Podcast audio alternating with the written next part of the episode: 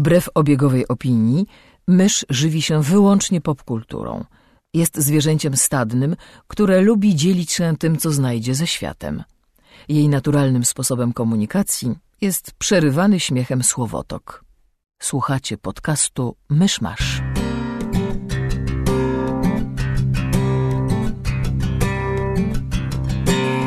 Gospodarzami podcastu Myszmasz są Krzysiek Sera, redaktor portalu Avalon. Kamil Borek ze studia Kobart. i Mysz, autorka bloga Mysza Mówi. Drodzy słuchacze, jest poniedziałek, 16 stycznia 2016 roku. Rocznica intronizacji Iwana Groźnego jako cara Rosji. Zapraszam do 167 odcinka podcastu Myszmasz. Zwłaszcza, że jest 2017. Prawda? Mogę od początku. Czy ktoś wie, czy w pierwszym odcinku też to, tak to, powiedział? To już zostaje. Nie, nie mam Nie, pojęcia. w poprzednim odcinku było dobrze, bo się pilnowałem. Jak chcesz, możesz powiedzieć jeszcze raz, ale Poczekaj, zostanie ta pierwsza Poczekaj, wersja. to skoro już wiemy, że ten odcinek zaczyna się z bardzo grubej rury, to ja teraz od razu ostrzegę. Tej rury, no w styczniu Cio. pomyli się rok, straszne. Cicho! To skoro już wiemy, że ten odcinek bardzo dobrze się zacznie, to ja od razu zaznaczę, że wszelkie mlaskania w tle to jestem ja, przepraszam, jem śniadanie. Cześć, ja też jem śniadanie. Jemy śniadanie. Moglibyście chociaż powiedzieć, że to drugie śniadanie jest 12. Nie, jest to pierwsze śniadanie, I am ashamed of nothing. What about second breakfast? Wyjdź. E, witamy przy mikrofonie gościa. Gościem jest Megu. Któż by się spodziewał, że to znowu Megu? Co za niespodzianka, jeszcze nigdy jej tu nie było. Z zamkniętego zbioru dwóch gości jest to Megu. Tym razem w łapance padło na Megu. Tak. Ba- wzbraniałam się, bardzo nie chciałam tu przyjść. Zapierałam się rękami i nogami, kazali mi. Przystawili pistolet mojemu kotu do głowy. Któremu? Którego kota kochasz bardziej? Wybór Zofii. Burnego. Który kot? Nie zadaje się takich pytań. A Przejdźmy może płynnie do newsów. Ja chcę zacząć od newsa, w sensie teraz mi to przyszło do głowy, ponieważ e, to jest poniedziałek, więc ten poniedziałek będzie albo bardzo szczęśliwym dzień, dniem, albo jednym z gorszych dni mojego życia, ponieważ w poniedziałek o godzinie 13 naszego czasu zostaną rzucone bilety na Hamiltona w Londynie. I Jeżeli ja nie dostanę co najmniej trzech, to będzie mi bardzo, bardzo smutno. Także trzymajcie kciuki. A jeśli Kamil nie zaśpi z opublikowaniem odcinka, to teraz słuchacze też będą mogli szansę jeszcze dołączyć do tej próby. Nie, nie będą mogli. Nie będą mogli, mój drogi. W październiku zostały, y, została zamknięta lista zapisów na priority A. booking i to jest coś, trzeba- co trzeba było przemyśleć wcześniej. Bardzo mi przykro. A, okej. Wcale nie jest jej przykro. Im Teraz- mniej ludzi, tym większa szansa. dla mnie. No właśnie. Teraz wszystko rozumiem. E, No dobrze, z newsów e, filmowo-komiksowych ogłoszono, że Warner Brothers robią film Green Lantern Corps, o którym się mówiło, ale potem jakoś przycichło i on naprawdę ma powstać, a jego scenarzystą będzie David S. Goyer, bo Warner Brothers się nie uczy. Gdzie? A, znaczy, Goyer pracował przy dobrych film, firma, filmach i Znaczy, On pracował przy też, Batmanach Nolana, nie? tak, i pracował też przy złych filmach, ale ogólnie jest bucem sam z siebie i to w tym momencie chyba jest główny problem. Czy wiesz, no chyba, że Jeff Jones będzie tam blisko patrolu, może wiesz, może po prostu Goyer pod przywództwem kogoś sensownego jest w stanie napisać coś dobrego. Może jeśli go, wiesz, ktoś e, w ryzach będzie trzymał, to z tego coś wyjdzie. Znaczy ja, ja wiem, że Jeff Jones jest legendą wśród czytelników Green Lanterna i w ogóle, natomiast ja nigdy nie czytałem komiksu Jeffa Jonesa, który by mi się autentycznie spodobał, więc... A ja nie wiem, bo ja z kolei nie, wiesz, nie, się nie znam na komiksowych twórcach, więc ja tylko na podstawie opinii internetu. Znaczy on pisze takie, jakby to w najprostszym, jakby to najprościej powiedzieć, on pisze komiksowe blockbustery, tam jest dużo akcji, tam są epickie sceny, ja tam nie widzę treści, ani, ani char- charakterów postaci, ale może to dlatego, że czytałem te jego słabsze komiksy. Nie wiem. E, Z innych newsów, e, co tam jeszcze było? A, e, ze świata gier komputerowych, ponieważ to jest dziwny świat, w minionym tygodniu newsem była informacja, że Half-Life 3 nie istnieje. Czy to jest ta gra, na którą wszyscy czekają od lat i ciągle mają To nadzieję, jest- że się pojawi? To jest jedna z tych gier, na które wszyscy czekają od lat. Drugą taką grą był na przykład Duke Nukem Forever, który w końcu się ukazał i był koszmarny. A Half-Life 3, no bo to jest tak, że to, to Valve robi te gry i pierwszy Half-Life to była rewolucja w, w, tym, w tym, jak się robiło strzelaninę z pierwszoosobową perspektywą, w budowaniu narracji poprzez scenografię, scenerię. Gra, którą później wszystkie inne gry, wszystkie inne strzelanki próbowały naśladować. Tak. jakby przy, wzięły różne rzeczy, które niekoniecznie jakby działają w odosobnieniu, więc teraz, dlatego mniej więcej teraz połowa strzelanek ma niemego bohatera, bo Half-Life to, że twój, nie, nie, niemego, znaczy ma, ma jakby znaczy ma bohatera, do którego inni mówią, a on nigdy nie, nie opowiada. No bo jakby byli nimi bohaterowie w strzelankach, to była norma, tylko że zazwyczaj nie było tam fabuły. E, a Half-Life prowadził fabułę z niemym bohaterem, do którego ludzie mówią, on nigdy nic nie odpowiada i później wszystkie inne gry musiały to robić. Tak, a potem było Half-Life 2, które znowu rewolucjonizowało ten gatunek na wiele sposobów.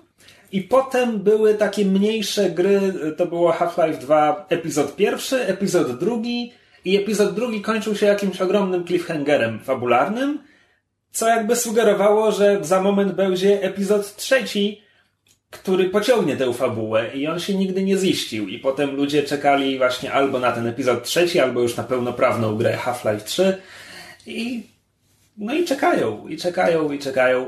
W każdym razie był wywiad w, Eurogamerze czy czymś tam z anonimowym pracownikiem Valve, który powiedział, że obecnie nie ma takiego projektu jak Half-Life 3.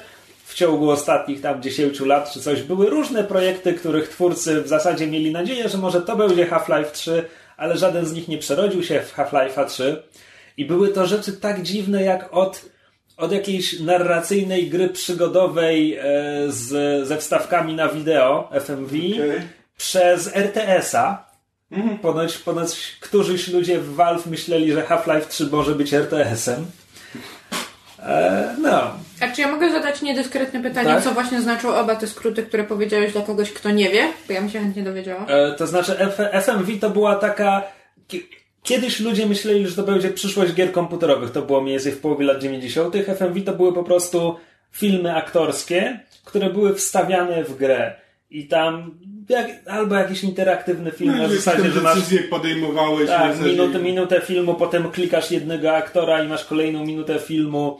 E, było kilka takich głośnych produkcji, nie dlatego, że były dobre, tylko dlatego, że były głośne. Była bodajże gra Reaper, która była cyberpunkową wersją Kuby Rozpruwacza i... Um, nie, znaczy było, znaczy było sporo takich projektów, które po prostu bawiły się w gore i w Mm, w horror, tylko tak horror praktycznie wiesz dla nastolatków, znaczy wiesz, no miałeś wiesz, nie pamiętam, nie pamiętam jak się gra nazywała, ale typu wiesz, że zabijałeś kobiety w jakimś domu. Y, nie, nie, to czekaj, to był ten Night Trap czy coś tam, ty tam chyba miałeś je ratować? No w każdym razie to był taki A, typowy, może, typowy slasher z dziewczynami w bieliźnie. Tak. tak. E, więc to jest FMV. RTS to jest e, strategia czasu rzeczywistego. Czyli po prostu gatunek tak bardzo odległy od pierwszoosobowej strzelaniny, jak tylko się da. No, w każdym razie, więc tak, więc puenta jest, że były różne takie projekty, nic z nich nie wyszło i obecnie nie trwają prace nad żadnym projektem, który mógłby kiedyś stać się Half-Life'em trzecim. Half-Life trzeci najprawdopodobniej nigdy się nie ukaże. No, bo go nie robią. Więc to był taki antynews tygodnia. Chyba, że Gabe Newell zejdzie i ktoś go zastąpi i nie będzie wiedział co robić, więc wypuści Half-Life 3, żeby mieć pewniaka zapasem. To jest jakiś pomysł? Z newsów to, jeżeli dobrze pamiętam, to wszystkie seriale DC stacji CW dostały przedłużenie na kolejny sezon. No tak, ale to I Supernatural był... dostała przedłużenie na 13 sezon. Ja pierdzielę. Myszu, wow. Myszu, współczuję. Dziękuję. Przyjmuję twoje kondolencje tak z bardzo bólem. przykro, że będziesz musiała to oglądać. Bo wiemy, że będziesz Będę to oglądać. to oglądać. Mimo, że nie powinnaś tego wciąż oglądać. To jest już zaawansowany syndrom sztokholmski. No już jest za późno. Leczmy się na nogi, bo na głowie już za późno. Z innych newsów związanych z nagrodami rozdano Złote Globy. Owszem, było w związku z tym dużo śmiesznych kontrowersji, bo internet ma dużo uczuć, nie zawsze słusznych. Możemy je nawet policzyć, bo ja zaczęłam sobie przygotowywać notkę na ten temat. Mamy kontrowersję związaną z, um, ze speechem Toma Hiddlestona przy odebraniu nagrody. Raz. Mamy kontrowersje związane z głupimi żartami, jakie pisali e, scenarzyści całej, e, całej imprezy e, Sophie Sophie, Vergarze. Wargarze. Dwa. E, Meryl Streep. Meryl Streep, tylko że to jest, ona stoi akurat po tej dobrej stronie mocy, więc to dla nas nie jest aż tak kontrowersyjne, ale też było o niej głośno. To jest trzecia rzecz. Czwarta rzecz to... e, Spidey Pool, przepraszam. Spidey Pool, co zostało przez niektórych odebrane jako queerbaiting i wyśmiewanie się z homoseksualistów. I jeszcze było przemówienie Ryana Goslinga, w którym podziękował swojej prawdopodobnie żonie, właściwie to nie wiemy, Ewie Mendes e, za jej poświęcenie i tak dalej. I niektórzy odebrali to za bardzo seksistowskie. Y, Właściwie ja spra- sprawdziłam tą sprawę i to była jedna komenta- komentatorka z Independent, która napisała tak głupi artykuł, że pod nim nie, zna- nie znalazłam ani jednego komentarza, który się by z nią zgadzał. Także jest to troszeczkę rozmuchane, niemniej jednak taki komentarz się pojawił. do tych pozostałych czterech. Nie, pozostałe cztery też były rozmuchane, dlatego że internet ma dużo uczuć i ja mam tylko jedną uwagę pod tytułem Internet calm your fucking tits.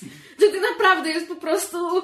Zwłaszcza jeżeli chodzi o to, co zrobili wokół sprawy Hiddlestona, to dla mnie to jest niepojęte, jak można tak przekręcić czyjeś słowa pod własną, wiesz, hidden agenda. Ale mniejsza o to. Hiddleston agenda. Hidden Stone Agenda. Wow. Siedem nagród dla La La Land, którego jeszcze żadne z nas nie widziało, bo, bo dopiero wchodzi do nas e, Piątek. w piątek. E, co jeszcze? Wielka przedrana seriali HBO, które nie dostały ani jednej nagrody. Netflix dostał za The Crown e, dla najlepszego ser- serialu i e, Claire Foy dostała za najlepszą rolę żeńską w serialu również. Ja jestem osobiście bardzo zadowolona z tego, że e, serial o O.J. Simpsonie dostał tyle nagród, bo dostał nagrodę za najlepszy miniserial. I Sarah Paulson I dostała. Sarah Paulson dostała My nagrodę. Bay. Bardzo, Och, bardzo och, jak na ja to zasługuje. Trochę żałuję, że... Nie, nie wiem, czy on był w sumie z The Crown w, tym, w tej samej kategorii? Sterling Brown. Tak. Że znowu nie dostał. No wiesz, ale on akurat już ma trochę na koncie, więc... Ma? Za co? Myślę. Przecież on za dwie nagrody dostał już. Sterling Brown za... za... Ale za O.J.'a?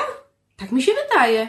Wydawało mi się, że on tam dopiero A debiutował. poza tym on był serialu. nominowany w Globach nie za um, Simpsona, tylko za This Is Us chyba miał nominację, mam wrażenie. Mm, nie. Nie? Nie, on miał, on miał za O.J.'a.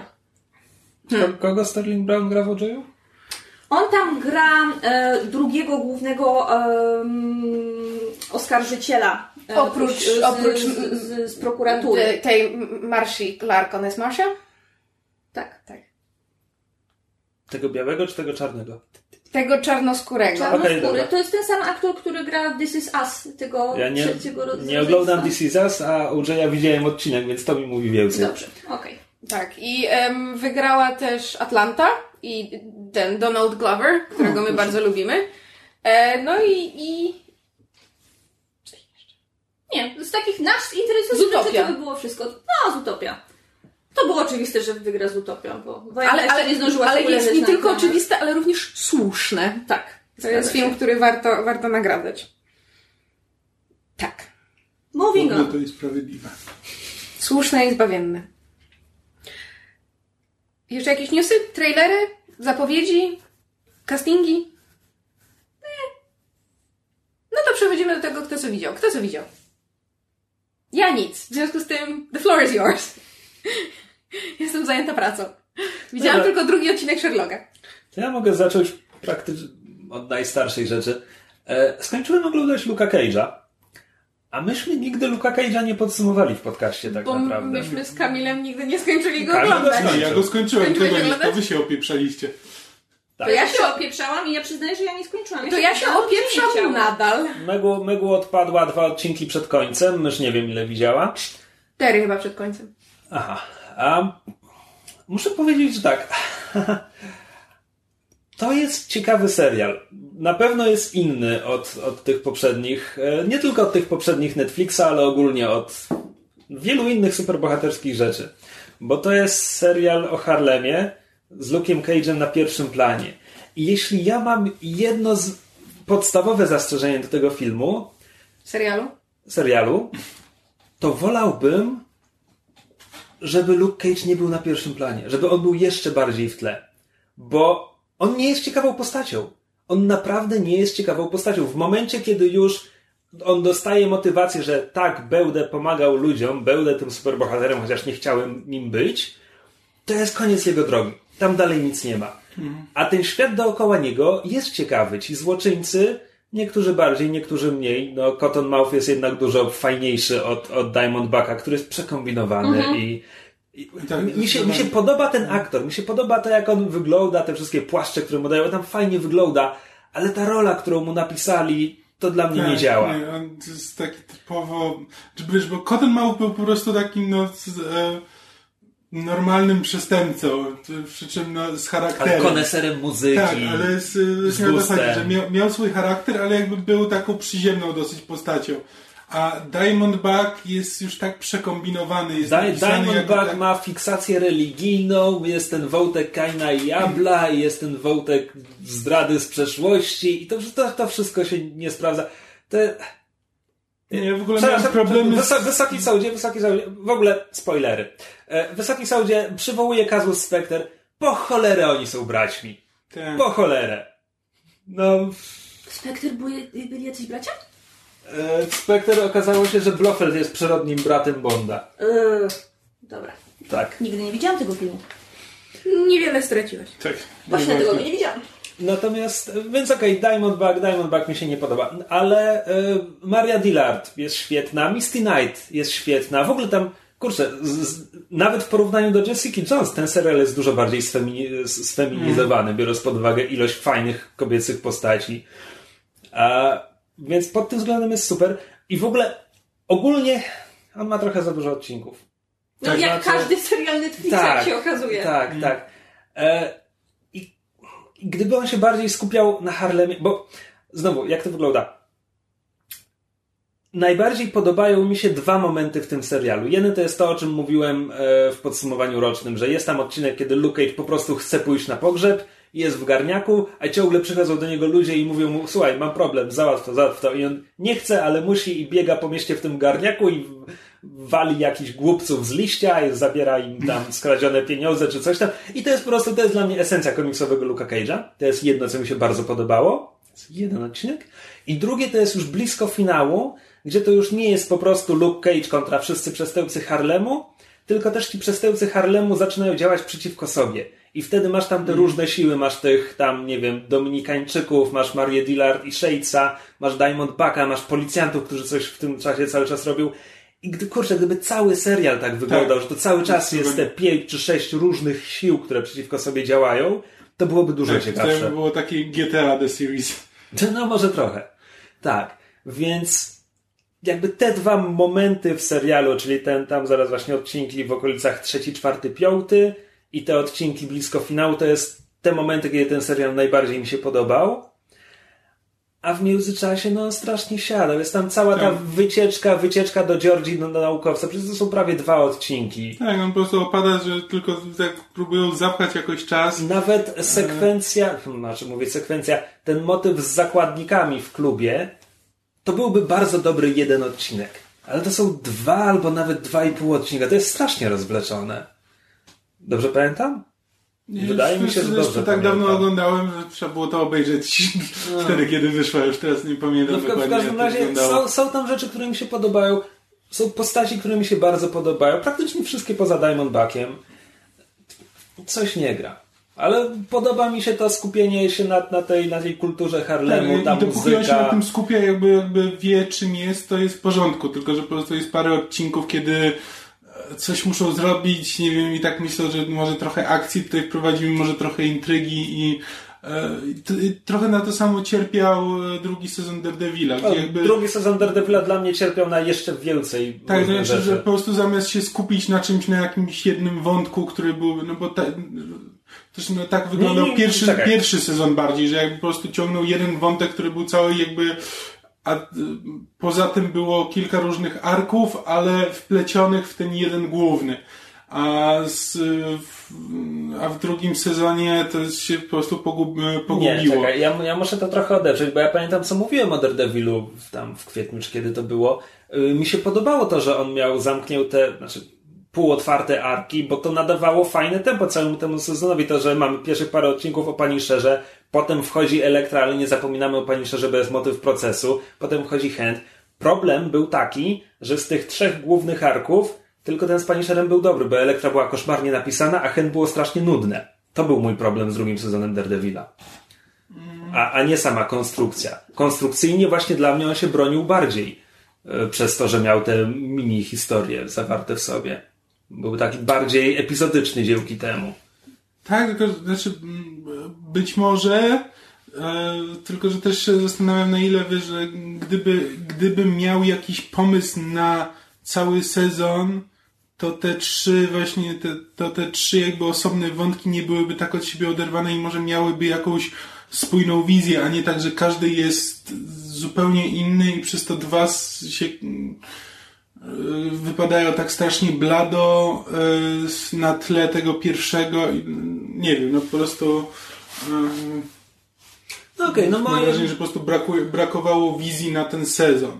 Że jakby no wiesz, że y, sama wizja na trzy tam poszczególne arki, no to mogło to wyjść, mogło nie wyjść, ale, ale zabrakło czegoś, żeby, żeby cały ten sezon po prostu zap, zapadał w pamięć, a nie tak, że poszczególne odcinki, czy tam po prostu serie odcinków. No tak. W każdym razie moja jakby ogólna ocena Luka Cage'a jest taka, że to w połowie jest bardzo ciekawy serial o Harlemie z superbohaterem, a w połowie jest to bardzo typowy, stereotypowy serial o superbohaterze. I niestety ta druga połowa strasznie ciągnie tę, tę pierwszą w dół. E, Natomiast ogólnie to było dla mnie ciekawsze niż drugi sezon Daredevila, bo, jak, bo było inne. I nie miało elektry. Wszystko bez elektry jest automatycznie dużo lepsze. Jak się okazuje. To trzymamy się Netflixa, robimy Netflix special. A co jest dalej? Chcesz powiedzieć o Bojacku? Mamy powiedzieć o Bojacku, a jeszcze Kamil mamy, widział ja też jeszcze series. widziałem tam Parę e, odcinków. jeszcze tak, nie całe, ale w sześć ósmych e, A Series of Unfortunate Events. O, tu dużo już obejrzałeś. Dobra, Myślę, ja, czy ja obejrzałam pierwszy, Krzysiek oglądał ćwiercią oka. a, nie no. Tak, tak, tak, No był ten serial. Nie no, grałem w samurajów, owszem, ale obejrzałem tego Lemon i Snicketa. E, Dobrze, to może od Bojacka w takim razie. Znaczy, przynajmniej To- Bojacka ja obejrzałem całego. Prowadź, bo my znamy trzy odcinki. Znaczy, Bojack Horseman to jest zasadniczo Californication z koniem w roli głównej. To samo Krzysiek powiedział po pierwszej czołówce. E, Wielkie umysły. Dlatego zamiast mm, zamiast znudzonego życiem jakby ten e, Pisarza, który napisał pisarza, jedną świetną książkę, jest znudzony życiem koń, który 20 lat temu wystąpił w popularnym sitcomie. Tak, i od tego czasu nie zrobił nic więcej ze swoim życiem. E, I konia gra Will Arnett. Czekaj, Will Arnett, ja wiem, że on był Batmanem w Lego Batmanie, ale powinienem go kojarzyć z E, kogo? Arrested Development? A- Arrested Development. E, Widziałem ze trzy odcinki może. e, a w, e, okej, to spoj, e, spoiler do A Series of Unfortunate Events, Widziałem jeden odcinek. e, ale on tam gra e, ojca. A, A, okej. dobra, okej. Właśnie, bo, bo wczoraj po tym pierwszym odcinku e, tego e, serii Fortuny Zdarzeń googlowałam obsadę i się zastanawiałam, czy znam tego faceta skądś jeszcze. O, były mąż Amy Poehler. Mhm, no proszę. Fantastycznie. E, No i no i zasadniczo świat, świat e, tego serialu tak wygląda, że są w nim antropomorficzne zwierzęta, e, które no, funkcjonują dokładnie tak samo jak ludzie. E, Przynajmniej przez większość, e, bo się później okazuje, że jest e, jeszcze, e, jest jeszcze podwodne, podwodne miasto, w którym, wiesz, w którym mieszkają antropomorficzne ryby e, i różne inne podwodne stworzenia, do którego tam Bojack się w którymś momencie wybiera na festiwal. I to jest jeden z najfajniejszych, e, najfajniejszych odcinków, bo e, jest kompletnie niemy. Ponieważ wszystko się dzieje pod wodą, to tam jakby czasami ludzie coś jakby próbują mówić, ale są pod wodą. E, więc e, wszystko się, wszystko się dzieje bez jakiegokolwiek dialogu. E, Tak, czekaj, ale to jednocześnie bo tam humbak jest speakerem w wiadomościach, więc to nie jest tak, że antropomorficzne podwodne zwierzęta nie mogą żyć na loadzie. Nie, nie. Ale mają też swoje, mają swoje miejsce pod, tak, pod wodą. I można tam zejść pod wodę, jeśli się ma skafander. Zasadniczo nie przejmowałbym się logiką tego serialu za bardzo. Ta logika jest bardzo naciągana. Rozwa rozwalają mi ci reporterzy, którzy tam chichając się robią zdjęcia z, z drzewa i zamiast niego zejść to odlatują po prostu z tymi aparatami zwisającymi. Albo kotka agentka, która ma drapak na biurku. Albo jak biega na, biega na bieżni, to ma myszkę przed oczami, żeby biegać za myszką. Tak, bo jeden, to, to, jest pełno takich wizualnych właśnie gagów, które po prostu są tam w tle. Jeden właśnie z moich ulubionych, to jak ona biega na bieżni, to tuż, to tuż obok jest bieżnia, na której leniwiec po prostu tak. zwisa e, z poręczy tej bieżni. I tyle. I to jest jego ćwiczenie. No bo fajne było, jak ktoś krzyknął, y, było takie, y, ktoś y, kłócili się w restauracji i był taki najazd na wejście do tej restauracji i tam się sto, stoją ludzie gołębie, ale jak tylko usłyszeli, że ktoś zaczyna krzyczeć, to od razu, mimo że są pobierani w garniaki i, i, suknie wieczorowe, to odlatują w panice, tak. ktoś krzyknął. Tak, tam jest sporo, tak, znaczy każdy, każdy jakby, każda postać w tym serialu, znaczy ma swój charakter, nawet jeśli jest tym zwierzęciem, no to jest jest też człowiekiem i ma swój charakter, ale też zachowuje wszystkie cechy tego zwierzęcia. Znaczy, jak jest postać psa, ten Mr. Znaczy, Peanut Butter, to, jest... to jak tylko ktoś zadzwoni dzwonkiem, to on wstaje i się zaczyna... Kto, kto, kto przyszedł? To jest, to jest najzabawniejsze, kiedy oni tego nie nadużywają. Bo Peanut Butter jest w pierwszym odcinku i jest fantastyczny, kiedy jest scena, kiedy Bojack e, rozstaje się ze swoją dziewczyną, a on się do nich dosiada, ponieważ jest psem, więc siada tak. po prostu pomiędzy nimi i pyta, czy to jest niezręczne, czy to jest niezręczne, porozmawiajmy. e, i, to jest świetne, natomiast nie wiem, tam odcinek czy dwa odcinki później jest jakaś scena, gdzie on ma nagle wiadro na głowie, bo, bo pies i w ogóle i to już mnie nie bawi. Ja momentami potrafię z tym przesadzać, ale właśnie najfajniejszy, najfajniejszym, najfajniejszym motywem są te takie wizualne gagi, które po prostu są wrzucone gdzieś w tle e, klatki, gdzieś w tle ujęcia e, i można, można je zauważyć, ale nie, są, nie na nim się nie na nich się skupiają scenarzyści. Moim ulubionym na razie jest zdecydowanie e, wydawnictwo prowadzone przez zdesperowane pingwiny. Penguin Books. That's so sad. A, natomiast ten um, psa pana, pana Peanut Buttera dubbinguje Paul F. Tompkins. Ja o nim kiedyś wspominałem w podcaście, on prowadził długo podcast, e, bodajże Dead Authors podcast czy coś takiego, taki podcast, gdzie wcielał się w H.G. Wellsa, podróżował w czasie i zgarniał różnych martwych autorów żeby z nimi na scenie odbywać godzinny wywiad. Mhm. I to e, czasami potrafiło być bardzo zabawne, na zasadzie zależnie od tego, kogo miał tam za partnera akurat. Natomiast on sam sobie był, był bardzo zabawny. Całkiem udatnie naśladował brytyjski akcent i, i w ogóle był, był zdolny. Do roli psa nadaje się świetnie. Znaczy, e, Boże Horseman jakby przedstawia trochę humor podobny do tego, co widzimy w Family Guy'u. Jakby sama kreska też jest podobna, jakby od razu przywodziła mi na myśl Family Guy'a. E, przy czym też ma, ma konkretną fabułę. Znaczy każdy odcinek ma tam swoją fabułę, są też jakby arki tam ciągnące się przez cały sezon, czy przez ileś tam odcinków. E, jakby przez to nie trakt, znaczy w Family Guy no to jakby postaci są tylko i wyłącznie mechanizmy do wprowadzania gagów i to tyle. E, jakby, no nie wiem, ja jak oglądam Family Guy'a, to e, nie zależy mi na tych postaciach, nie myślę o tym, o mój Boże, a jak z tego teraz Peter wybrnie, czy Brian, czy ktokolwiek. E, natomiast w Bojacku te postaci jakby mają swoje życie i zależy nam na nich, jakby interesuje nas to, co się z nimi stanie. E, można je polubić, można je znielubić, e, ale przynajmniej nam na nich zależy. E, więc od razu tutaj wygrywa z wieloma innymi animowanymi serialami, które jakby o tym aspekcie trochę zapominają. Są po prostu takie sketch showy tylko, że z fabułą.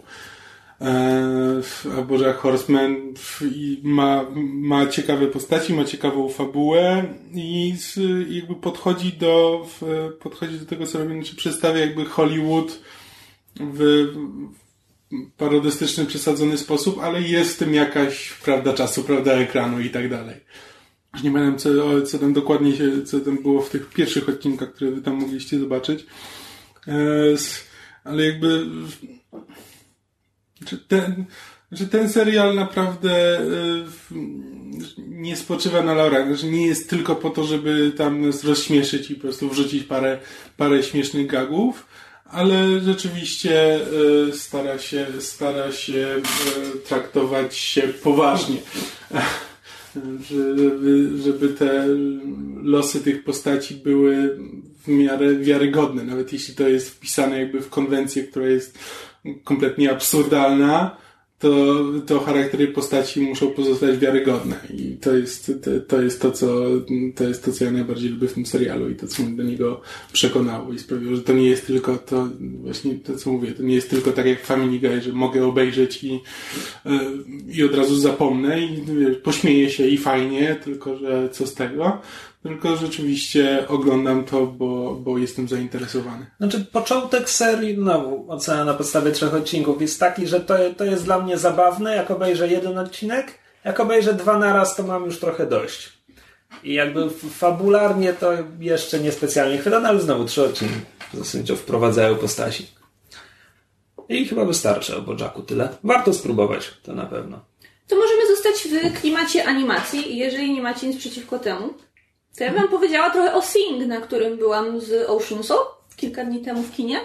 Y, żadne z Was tego filmu nie widziało, prawda? Nie, ale widziałem trailer, więc zasadniczo e, widziałem film, bo trailer pokazuje chyba wszystko od początku do końca. No tak, no y, nie ukrywam, że to jest y, takiego, te, taki rodzaj feel good movie, w którym wiesz dokładnie, jak to się mhm. skończy. Klasyka, masz konkurs, czy tam jakikolwiek inny rodzaj rywalizacji muzycznej, który musi się skończyć spektakularnym koncertem, na którym wszyscy bohaterowie dadzą z siebie wszystko i y, zaśpiewają pięknie piosenkę. Y, a mimo wszystko y, wciąż to jest bardzo, bardzo sympatyczny film. I chociaż wydawało mi się na początku, że to jest takie troszeczkę odcinanie kuponów od e, sukcesu z utopii, e, no bo w, i, i w jednym i w drugim filmie mamy miasto, w którym żyją antropomorficzne zwierzątka, to tutaj w Sing to właściwie nie ma znaczenia, bo to, że to są zwierzęta nijak się nie odbija na, na, na fabule. Po prostu, po prostu masz film o zwierzątkach w mieście. Przy czym głównym motywem fabuły jest to, że jest konkurs muzyczny i wszyscy walczą o ileś tam tysięcy tysięcy dolarów. E, z, czym, że, z, z, tym, że e, to jest troszeczkę przekręcony konkurs, bo tak naprawdę nie ma pieniędzy na nagrodę. Jego organizatorem jest um, Miśkoala. Miśkoala, który jest właścicielem podupadającego teatru muzycznego i ten konkurs e, jest jego ostatnią nadzieją na to, żeby się jeszcze wybić, żeby uchronić swój, swój teatr przed ostatecznym upadkiem. Bardzo sympatyczny film, bardzo fajny muzycznie. E, mimo, że to są wszystko covery, oprócz jednej piosenki, którą śpiewa e, Jeżozwierz. E, Jeżozwierz? Nie. Jak się nazywa to zwierzę? Jeżozwierz to jest w morzu. Nie, nie Jeżozwierz. To jest Jeżozwierz? Jeżowce są w morzu. Ach, tak, racja. Dobrze. Czyli e, jedyną oryginalną piosenkę w filmie śpiewa e, Ash, czyli postać grana przez Scarlett Johansson. Oprócz tego mamy jeszcze y, goryla o anielskim głosie granym przez y, Edgertona, znanego z Kingsman. E, jest jeszcze matka świnka, matka Polka, matka 25 warchlaczków, e, którą e, dubbinguje Reese Witherspoon, z tego co pamiętam. I mamy również białą mysz, postać graną przez Seta McFarlane'a, McFarlane'a czyli twórcę, twórcę Family Guy'a, który gra pseudo Franka Sinatra. Dokładnie i śpiewa głosem Franka Sinatra, który jak wiemy jest fantastyczny, bo, bo on, McFarlane przecież nagrywa płyty jazzowe. Tak, on, on, on, jest, on jest ogromnym fanem Sinatry i jakby nie ukrywa się z tym, że, że to są I jego wpływy. I ta mysz jest dokładnie takim sam, taką samą postacią, w sensie to jest mała biała myszka, która gra na saksofonie, która skończyła jakąś szkołę muzyczną, y, nie Juilliard, ale coś o, o tym samym poziomie i on patrzy na wszystkich z góry, z tych, z tych swoich 10 centymetrów spod podłogi, ponieważ on jest jedyny wykształcony muzycznie i wszyscy inni są beznadziejni, tylko on jest najlepszy. I on od razu stwierdza, że to on już ma tą e, nagrodę w kieszeni i on w ogóle wygrał ten cały konkurs. Oczywiście tam na końcu dochodzi do pewnych zmian w jego charakterze, nieznacznych, aczkolwiek zauważalnych. E, jest jeszcze Słonica, e, która bardzo się wstydzi śpiewać i e, potrzebuje całego filmu, żeby się przełamać i wyjść przed, przed, przed publiczność. Um, I jeżeli chodzi o bohaterów, to, to by było na tyle. W każdym, w każdym razie film bardzo sympatyczny, jednak fajnie jest go mm, obejrzeć z napisami, mimo że piosenki w polskim dubbingu są zostawione w, w oryginale. Tak. Śpiewają je, śpiewają je wciąż ci sami amerykańscy aktorzy, którzy, którzy występują w oryginalnej wersji językowej. Przetłumaczona jest tylko ta jedna piosenka e, Ash. Em, nie widziałam dubbingu, nie wiem jaka jest jakość dubbingu po Podobno polsku. bardzo dobra, w sensie porównywalna, zdaniem niektórych jakby polska wersja jest lepsza. Ale zastanawiam się, jak oni sobie poradzili z takimi fajnymi smaczkami, jak na przykład z tym, że e, bohater Goryl jest członkiem brytyjskiego gangu roboli, więc mówi z takim brytolskim akcentem bardzo mocnym. Albo to, że rodzina słoni tak naprawdę czuć w nich, że to są e, czar- to mają być tacy czarnoskórzy bohaterowie, bo mówią też z mocnym akcentem, mimo że aktorzy, którzy podkładają pod nich głosy, nie są czarnoskórzy. więc, więc to jest Blackface? Właśnie! to jest troszeczkę, Elephant face. troszeczkę dziwne, ale e, nie zmienia to faktu, że seria, e, serial, tfu, film jest bardzo fajny. Ten koncert na sam koniec strasznie mi się podobał. Każda piosenka jest lepsza od poprzedniej. e, I tam każdy z bohaterów tak jakby dokonuje tego, e, dokonuje się w nim wewnętrzna przemiana, rozumie pewne rzeczy, uczy się, uczy się czegoś. Także mimo, że nie jest to animowane kino z takim głębokim przesłaniem, jak chociażby mm, słynna, słynna Zootopia, to wciąż jest to bardzo fajne kino rozrywkowe i jeżeli ktoś miałby e, ochotę, to ja polecam. O, jeszcze zapomniałam, jest tam świetny motyw e, nawiązujący do japońskiej popkultury, bo na przesłuchaniach pojawia się zespół małych czerwonych pand, które śpiewają J-pop i są tak okropnie wkurzające. To są, wiesz, niby to mają być takie stereotypowe Japonki, co tylko fikają i pokazują tą stereotypową e, muzykę, która jest beznadziejna, nie nadaje się do słuchania, jest okropna. One oczywiście nie rozumieją słowa po, po jest angielsku. zajebisty, ja nie rozumiem o co ci J-pop jest straszny, nie słuchajcie J-popu. W każdym, razie, w każdym razie czerwone pandy są świetne. Nie odzywaj się po angielsku ani słowem, ale to są moje ulubione bohaterki. Ja z przyjemnością obejrzę film w obu wersjach, bo właśnie byłabym... Znaczy, po pierwsze jestem ciekawa, jak wypada em, polski dubbing i jakie wrażenie sprawia film po polsku z angielskimi piosenkami. Y, Ocean Soul widziała obie wersje, i po polsku, i po angielsku, i ona mówi, że przejście pomiędzy polskim głosem a angielską piosenką jest tak niezauważalne, że nie masz wrażenia w ogóle, że to śpiewają dwie różne osoby. Także polskie głosy musieli dobrać bardzo dobrze. I co ciekawe, jest jeszcze jedna postać, to jest y, postać asystentki głównego bohatera, czyli Misia Koali, granego przez Matthew McConaughey, którego da się w tym filmie nie poznać, bo nie mówi ze swoim zwykłym akcentem, który kazali mu go porzucić. I postać tej asystentki to jest pani Jaszczurka, taka podstarzała babcia z takim y, charakterystycznym daszkiem chroniącym przed słońcem, jak te wszystkie amerykańskie emerytki noszą w domach starości. Ona ma szklane oko i to oko jej ciągle wypada. I co jest ciekawe, pod nią głos podkłada reżyser filmu, mężczyzna. I nie wiem, gdybym tego nie przeczytała w, yy, w internecie, to w życiu bym się nie domyśliła, że, że, że ktoś taki podkładał pod nią głos. No ja w każdym To razie jest- słyszę dużo dobrego, więc chętnie obejrzę obie wersje. To, to nie jest aż tak rzadkie, bo kojarzę na przykład Ed Asner, który podkładał głos pod e, tego starszego bohatera Up. Przepraszam, ja nie pamiętam imion. Karl? Karl jest Wap? Emeryt z domkiem. Możliwe, nie wiem, Latający. nie pamiętam jak ma na imię. E, on w animacjach DC podkładał głos pod staruszki. E, więc to jakby... Znaczy, na przykład w Simpsonach masz sześciu aktorów na krzyż, którzy podkładają głosy pod wszystkie No to- to- postaci to jest- w serialu, czy, czy dziewczynki, szkoła. czy chłopców, więc to też nie jest Ogólnie pierwszy raz. a, aktorzy głosowi macie respekt. Bardzo. Muchos respectos. Respekt wow. Tyle głosów. Dobra, to możemy, możemy powiązać te rzeczy dla dzieci z Netflixem i przejść do Lemony Snicketa, Tak. którego jako się rzekło obejrzałem e, połowę łoka. No to nie Mi jest- połowa, mi jest- że ćwierć. Mi jest strasznie smutno, bo ja jakby ja, ja wiedziałam, że to wchodzi w tym tygodniu, ale przegapiłam moment ze względu na roboty, a ja czytałam nie wszystkie książki, czytałam chyba cztery pierwsze, a bardzo lubiłam film. Ja najpierw obejrzałam film ten z, Jimem Carreyem w roli y, hrabiego Olafa. Film absolutnie pokochałam, potem cofnęłam się i przeczytałam książki, a jakby wiem, że bardzo wiele osób, które, które czytało i kochało książki, jakby zna całą serię, nie było takimi fanami filmów, wbrew pozorom, i teraz bardzo zachwalają ten serial, więc jakby jestem bardzo ciekawa, jak, jak, jak, jak, jak wypada w, w porównaniu, w kontekście. Ja przyznam, że o ile wszystkie hypy okresu nastoletniego w popkulturze, które, które były targetowane do mnie, do mnie trafiły, to szał na serię niefortunnych zdarzeń zupełnie mnie ominął. Ja nie Mhm. czytałam Ja książek, tak próbowałam, ale chyba mi nie podeszły z tego, co pamiętam. Niestety zbiegło się to z ogromnym królowaniem Harry'ego Pottera w moim życiu, więc wtedy wszystkie inne książki dla młodzieży były B. I spróbu- spróbowałam tego pierwszego odcinka i fajnie się to oglądało, ale jakoś nie czuję tego. Ja to głównie oglądam dlatego, że tam jest Neil Patrick Harris i chciałam zobaczyć, jak on wypadnie w tej roli. NPH? Znaczy, to nie, ja jestem, mi się bardzo podobało.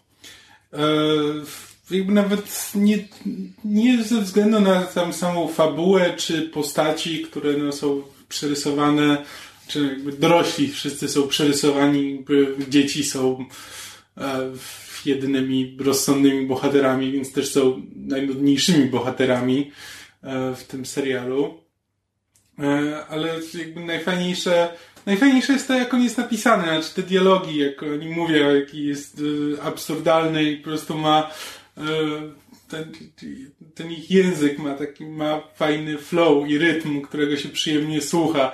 E, jeszcze Patrick Warburton, który narratoruje cały, cały serial, e, właśnie nadaje, nadaje mu od razu ton. On ma bardzo E, specyficzny głos. Tak. Dlatego był dobrym kleszczem. tak, no właśnie i to jest dokładnie, to jest dokładnie ten klimat, który wprowadza, taki lekko, lekko absurdalny, nonsensowny. A czy ty czytałeś książki? Nie. To nie jest tak, że książki były targetowane do młodszych odbiorców niż my byliśmy, kiedy książki się ukazywały u nas? Tak, znaczy one jakby były... Możliwe. Tylko wiesz, ja jakby... Mam, mam niejasne wspomnienie, że w tym czasie, kiedy czytałam po raz pierwszy Lem- Lemonego Snicketa, czytałam też Narnię po raz pierwszy, mimo że miałam te, tych lat już naście, bo Narnię przeczytałam bardzo późno. W sensie jakby opowieści, znaczy ten, Lew, Lwa Czarownicy i Starą Szafę przeczytałam mniej więcej w tym wieku, do którego był stargetowany, ale nie podeszło mi wtedy. Przeczytałam po latach i bardziej mi się spodobało. tak. I myślałam na zasadzie, że. Bo jakby. To nie jest ogólna zasada, ale mam takie wewnętrzne przekonanie, być może niesłuszne, że dobrze napisana książka dla dzieci będzie również miała jakieś treści, jakieś wartości, jakąś. Coś będzie niosła ze sobą dla, dla starszego czytelnika, czy dla dorosłego czytelnika. A ja Lemon Snicket właśnie mnie jakby nie, nie, nie kupił, nie, w, ogóle, w, ogóle mnie to nie chwyciło. Przeczytałam cztery książki, bo one są stosunkowo krótkie i bardzo Tak. chciałam, zależało mi na tym, żeby, bo jak zrealizowali film, to chyba właśnie na podstawie Trzech bodajże trzech czy pierwszych- czterech pierwszych książek właśnie. I chciałam mieć materiał źródłowy właśnie wiesz, przeczytany w całości, żeby móc porównać, co zmienili z filmem. Przeczytałam ich trzy czy cztery. I potem nie miałam potrzeby czytać dalej, bo właśnie jakby nie chwyciło. Film, film bardzo mi się podobał i jakby polubiłam tych bohaterów, ale w książce nie byłam w stanie odnaleźć tego samego. Ja widziałam, widziałam ten film i po obejrzeniu y, teraz pierwszego odcinka serialu ja mam wrażenie, że oni stylistycznie nie wprowadzili żadnej innowacji w serialu. To znaczy to jest to jest, y, To jest to. ten sam klimat, te same zabiegi w scenografii, w atmosferze, które były w filmie. I to jest troszeczkę rozczarowujące. Miałam nadzieję, że zrobią coś więcej z tym, a wydaje mi się, że to jest wszystko Ale- to samo, to co było w filmie z Zieloną Ale wiesz co, znaczy ja nie widziałam serialu, więc jakby nie, nie, nie, nie mam porównania, natomiast dla mnie właśnie abstrahując od, od y, ludzi, którym, którym ten film nie podpasował, bo uważają, że to było, nie wiem, kiepska, kiepska adaptacja czy, czy ekranizacja, to większość osób właśnie jakby chwaci, chwa, chwaliła klimat na zasadzie, że jeżeli coś im się w tym filmie udało, to był właśnie jakby klimat, scenografia, ta taka otoczka, nazwijmy to wizualno-estetyczna. I fakt, że oni to przenieśli do serialu, czyli jakby wzięli fi- z filmu ten element, który wiadomo, że zadziałał i potem zaczęli, ja- jakby z, z tego zrobili bazę w, w, serialu, że tak powiem, wizualną i potem po prostu dodali swoje smaczki, mi się to wydaje fajne. Znaczy jakby don't try to fix what's not broken, nie? Trochę na tej zasadzie. Nie?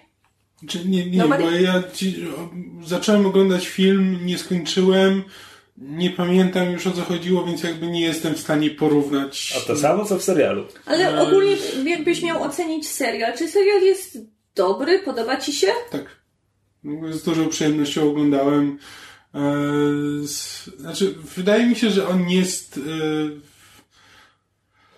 Znaczy, to jest serial, który nadaje się, nadaje się dla dzieci, byłby, byłby mm, znaczy jest chyba podnie pisany. No Znaczy, musi ogóle- być, bo książki są dla dzieci. Tak, znaczy, znaczy, znaczy w ogóle cała, cała historia jest taka, że dzieci są jedynymi rozsądnymi postaciami. Tam wszystko, co im się przytrafia złego, to jest przez dorosłych.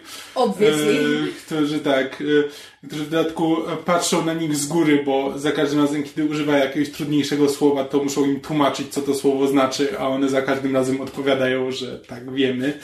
E, I e, to, to, jest powtarzający, powtarzający się motyw w tym serialu jest to, że dorosłym wydaje się, że wiedzą lepiej, a tak naprawdę gdyby dzieci się tylko e, nie musiały ich słuchać, to prawdopodobnie by się wszystko lepiej dla nich wtedy skończyło. E, znaczy, no mówię, no, mi się po prostu podoba e, podoba jakby narracja, podoba mi się styl pisania dialogów w tym serialu. Sama tam fabuła czy, mm, czy postaci są okej. Znaczy Neil Patrick Harris jest bardzo fajnym e, hrabią Olafem. Znaczy jest, jest Wygląda doskonale... trochę Gargamel, jak na niego patrzę. Tak. Znaczy jest o tyle, jest o tyle do, dobrze dobrany, że o ile jakby Neil Patrick Harris jest, y, jest niesamowicie sympatycznym aktorem i bardzo przyjemnie się go ogląda na ekranie i na scenie, to nie jest najlepszym aktorem. A w tym serialu ma okazję trochę przeszarżować I, wiesz, i, i to y, i on ma, on ma takie tendencje nawet kiedy gra w poważnych rzeczach. Znaczy, no bo on ma, on ma E, background teatralny, w związku z tym to jest jego i- mocna I strona. tutaj, y, I tutaj bardzo dobrze w tym wypada, choć jakby ciężko, ciężko nie widzieć momentami Barneya. Tak, to jest Barney Stinson podczas jednego z tych odcinków, gdzie e, daje sobie challenge, że poderwę dziewczynę przebrany za... tak, mniej więcej tak. W tym wypadku jest to hrabia. A powiedz mi, jeżeli chodzi o fabułę, bo ja wiem, że główna, główna fabuła polega na tym, że te dzieci e, tak przeskakują z jednych opiekunów do drugich i hrabia Olaf ciągle ich ściga e, w pogoni za ich fortuną. Czy tam jest jakaś tajemnica? Bo tam jest zasugerowane, że jest jakiś symbol, czy, czy to, to prowadzi do jakiegoś rozwiązania takiego wow. Bo ja nigdy nie, nie wiem o co chodzi w tych książkach, dlatego się pytam. Znaczy, ja nie skończyłem tego sezonu, więc nie wiem, gdzie to się kończy. Tam jest cały czas ten wątek tych rodziców, którzy rzekomo, rzekomo nie żyją. To jest pomniejszy spoiler do pierwszego odcinka, bo oni gdzieś tam są, ale... Oni w książkach też gdzieś żyją w tle? Znaczy, film widziałam dawno, książki, książek przeczytałam cztery i pamiętam Bo, jeszcze bo mniej. ja przeczytałem Natomiast tylko skrót na kwestia- Wikipedii kwestia- i tam jest kwestia- dość definitywnie rodzice nie żyją i potem w skrócie się nie pojawiają. Znaczy, wydaje mi się, że w filmie i w książkach jakby, przynajmniej tych, które ja czytałam, rodzice nie żyją, natomiast jest jakaś tajemnica związana z tym symbolem i ci rodzice są tak zamieszani. Nie wiem, czy to jest spiskowa teoria dziejów pod tytułem Wszyscy byliśmy członkami tajnej organizacji typu Illuminati, ale jest tam jakaś tajemnica... Znaczy, tu- tutaj ewidentnie jest, jak- znaczy jest mowa o jakimś tajnym, tajnym stowarzyszeniu ala Illuminati, ale nie wiem do czego to jeszcze prowadzi. To się skończy jak pierwsza Lara Croft. E, tak. A jest jeszcze jeden akcent z jak Filmowa. poznałem waszą matkę. Tam było matkę gra Kobe Smulders, z tego co widzę. Fajnie. Wszystko zostaje w rodzinie. Znaczy, Stel momentami w tym znaczy, bardzo lubi puszczać oko do widza i momentami mocno przesadza. E, znaczy, jest parę takich żartów typu e, jak e, dzieci tam lądują w, w, trzecim, w trzecim i czwartym odcinku są u wujka Montgomery Montgomery. E, I wujek Montgomery Montgomery mówi, że zabierze ich do kina, a w międzyczasie tam Olaf się pojawia, udając e, Stefano, jakiegoś inny, zupełnie inną postać i tam siedzi z nimi przy stole i w tym momencie mówi, że e, on tak naprawdę lubi długą formę, szczególnie w streamingowych serwisach. I patrzy, i patrzy w kamerę w tym momencie.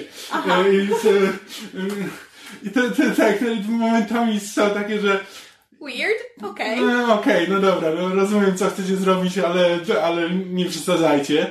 Em, ale, ale no, nie wiem, no po prostu jest uroczy. Znaczy to jest po prostu serial, który mi się y, siedzę, oglądam i, i mi się gęba śmieje.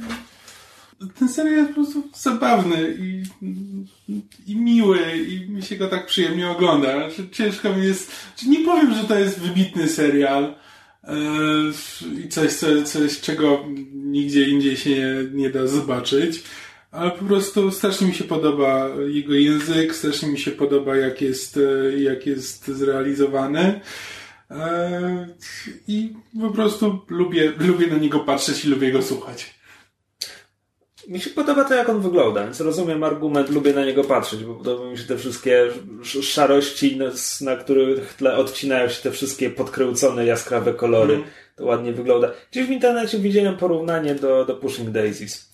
To Wiesz, przypom przypomina Pushing Daisies i brzmi jak Pushing Daisies, Wiesz, tak co, co sprawia, że chyba chcę obejrzeć Pushing Daisies, bo Lemon Snicket mnie nie wciąga. Och, Pushing Daisies, Daisies było cudowne. Znaczy, to nie był serial bez wad, natomiast ja widziałem urywki pojedynczych odcinków i już wtedy mi się podobało, tylko nigdy nie usiadłem i nie zacząłem porządnie oglądać.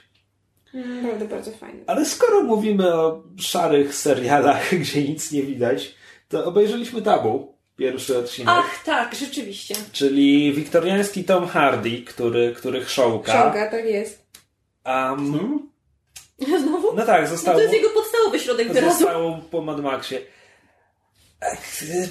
No, no jest to tabu i ja naprawdę nie potrafię nic powiedzieć o tym serialu. To znaczy, pierwszy odcinek przedstawia nam postaci, więc jest Tom Hardy, który jest w połowie Indianinem i jest dziedzicem e, kogoś, kto właśnie zmarł, ale, ale tam, tam nie ma fortuny, ale ten jego ojciec miał prawa do, do spłachetka ziemi gdzieś na zachodnim wybrzeżu Ameryki Północnej.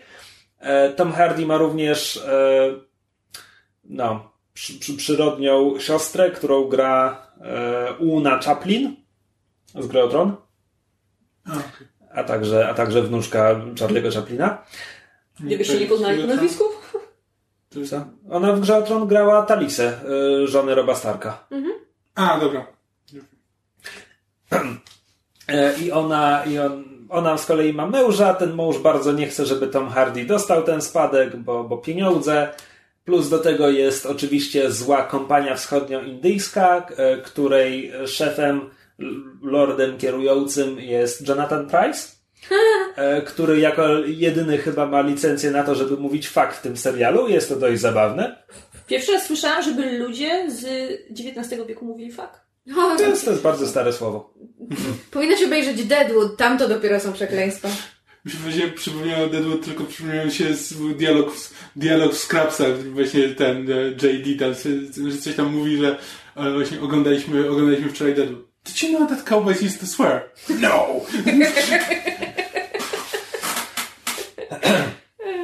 Ojej. W każdym razie, jeżeli chodzi o tabu, trudno się nie zgodzić z, z tekstem zwierza na ten temat. Serial jest ciemny, serial jest brudny, jest w nim dużo błota i deszczu, bo skoro pada deszcz, to też jest błoto. Um, jest, co, jest sekcja zwłok, jest rzeźnia, w której jest dużo krwi i dużo mięsa. Są toalety zaraz obok rzeźni. Jest śmierdząco, brudno, mokro, ciemno. I na razie nic Młodno nie, i do domu daleko. Na, na razie I, i fabuły nie ze świecą szukać. To znaczy, dosłownie w ostatnich minutach odcinka e, dostajemy wyjaśnienie. I to takie mocno nachalne wyjaśnienie, o co chodzi z tą ziemią i czemu, czemu właściwie komukolwiek mogłoby na niej zależeć.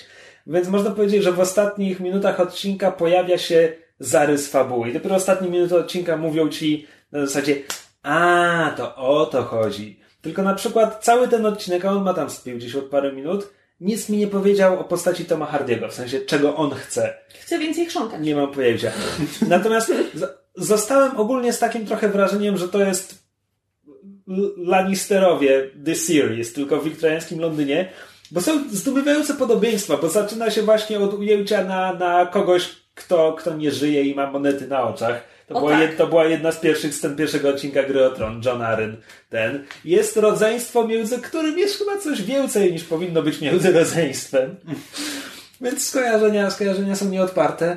Z kolei ja mam bardzo silne skojarzenia z tym, jak mówicie, że, że mrok, że flaki, że ciemno, że bez fabuły. To mam bardzo silne skojarzenia z The Bastard Executioner, w którym byłam bardzo zakochana. W związku z tym jestem ciekawa, Znaczy, jak zareaguje to na może, tabu. Może spróbuj to tabu, natomiast to jest trochę tak, że kurczę, tam każda... Przerost formy nad treścią? E, On się bardzo stara, ten serial. Jezu, jak on się stara, ty widzisz w każdej scenie, jak on się stara, żeby być ambitny i głęboki. Ka- znaczy każda scena, Bless. każda scena wyjęta ze swojego kontekstu jest po prostu dobrze zagraną sceną, w której jest coś takiego złowróżbnego. Tylko kurczę, mam cały odcinek nieźle zagranych scen, w których jest coś złowróżbnego i nie ma tam nic więcej. I ja nie wiem, może ja jestem milenialsem, jak chcę mieć przy, wszystko szybko, łatwo, wyłożoną fabułę i w ogóle. Wow! I rodzice ci mówili, że jesteś wyjątkowy Tak, i na tak, pewno wszystko tak. w życiu I dostawałeś medal za partycypację, tak? Nie. E, nieważne, w każdym razie... Znaczy, okej, no, oczywiście mówię to zgryźliwie i z przekąsem i w ogóle. Miałem dwóch starszych braci, więc wiesz. A...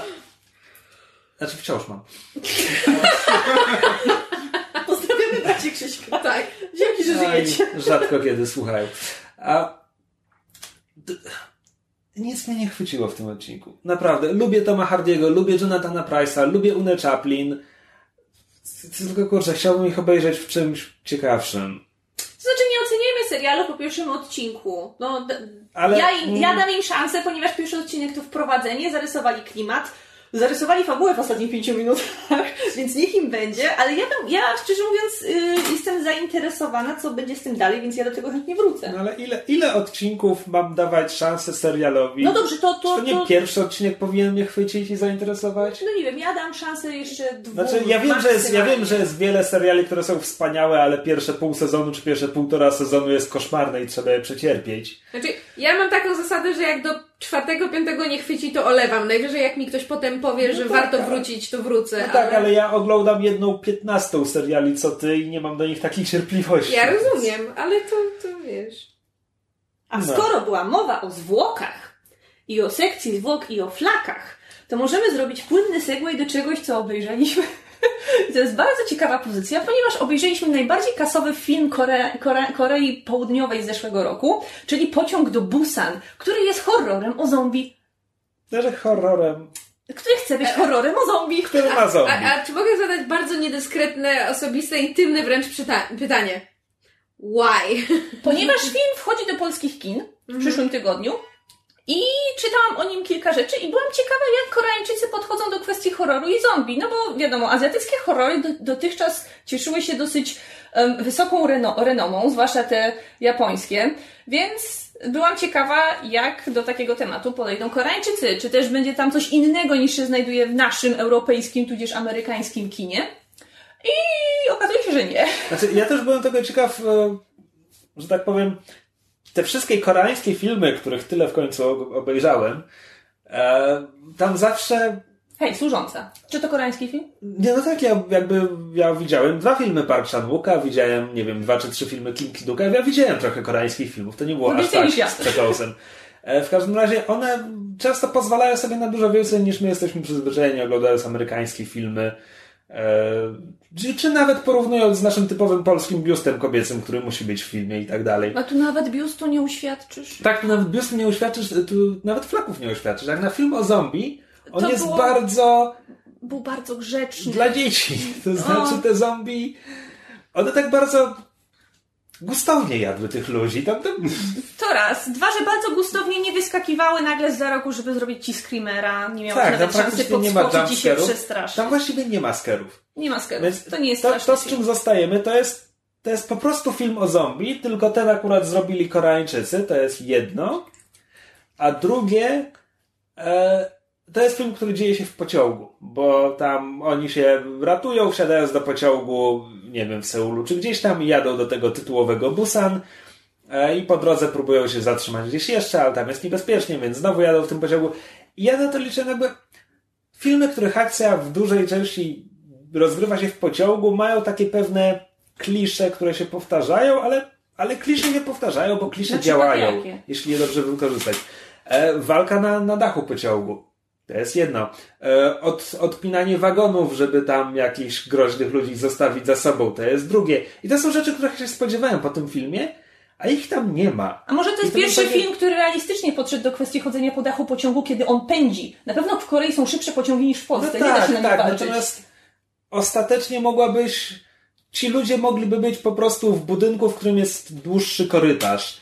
I z punktu widzenia tak, jak jest zaaranżowana akcja i w ogóle nic by się tu nie zmieniło. No dobrze. Natomiast e, jedyny taki, e, powiedziałbym, wtręt koreańskiej poetyki, jaki był, to, to był blisko finału, gdzie nagle mamy flashbacki zalane bielą, gdy ktoś wspomina narodziny Nie, to, swojego to, jest, dziecka. to, to jest ewidentne, to jest takie dramowe. Myślę, tam jest taka scena, kiedy bohater. A, no, to jest film o zombie, tam generalnie większość ludzi ginie. Kiedy bohater zaczyna się przemieniać w zombie i to, co się dzieje we wszystkich dramach w emocjonującym momencie, w sensie masz piosenkę w tle o miłości i to jest moment, kiedy on ma flashbacki do momentu, kiedy urodziło się jego dziecko. I on się Ja zabija ale- zombie. Ale dlaczego w tle nie leci mm, what you say? Bo to by było o wiele zabawniejsze. Co? Aha, nikt tutaj nie zna tego mema. Dobra, nieważne. Nie Jeżeli wiem. znacie tego mema, to To było to Napiszcie mi maila. strasznie śmieszne. E, Myślę, będzie miłe, jeśli ktoś się Tak. zaśmieje. spadaj, ludzie znają tego mema, to wy jesteście niedokształceni I, me- i pyta, pytałaś Myszu, dlaczego to, dlaczego y, obejrzeliśmy ten film. Ja miałam nadzieję na e, horror e, w perspektywie koreańskiej. Niestety dostałam horror Koreańczyków, którzy obejrzeli World War Z i bardzo się im to spodobało. Ponieważ y, to s- pod względem mechaniki zombie i całego przedstawienia świata to jest bardzo do World War Z podobne. W sensie te zombie oczywiście zapieprzają jak porąbane. Em, I są te takie sceny niby przerażające, kiedy te zebrane masy zombie przewalają się przez ściany, albo wywalają szyby, albo pęka pod nimi szkło w, na, na, na, na dworcu, czy coś takiego.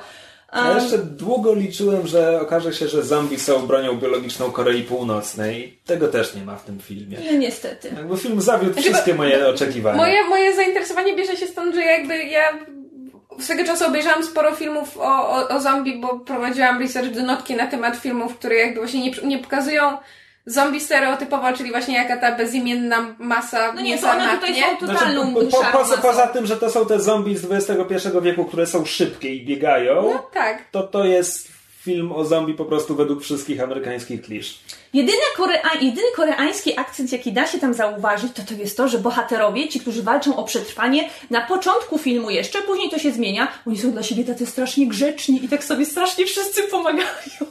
I to, to było strasznie śmieszne. Ale ogólnie to bohaterowie są bardzo sympatyczni. Tam głównym bohaterem jest mężczyzna, który podróżuje ze swoją małą córką i jest jeszcze para e, faceta takiego typowego, głupawego osiłka, który jedzie ze swoją ciężarną żoną tym samym pociągiem. I jak dla mnie to, to, to, to była bardzo sympatyczna parka.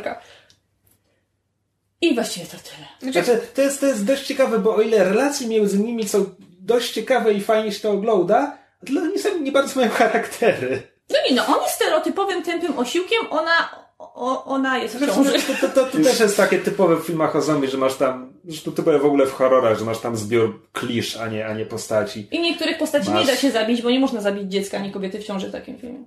Mm, Zależy od filmu. Zack Snyder zabił. Kogo zabił? E, W jego remake'u Świtu Żywych Trupów jest kobieta w ciąży i ten płód to jest zombie płód, jeśli dobrze pamiętam. Wow, okej. Tak, znaczy jeśli Jestem chodzi o filmy zombie, to różne rzeczy już robili. To jakby to zależy od... od Czy ona się przespała z zombie? Dlaczego zombie?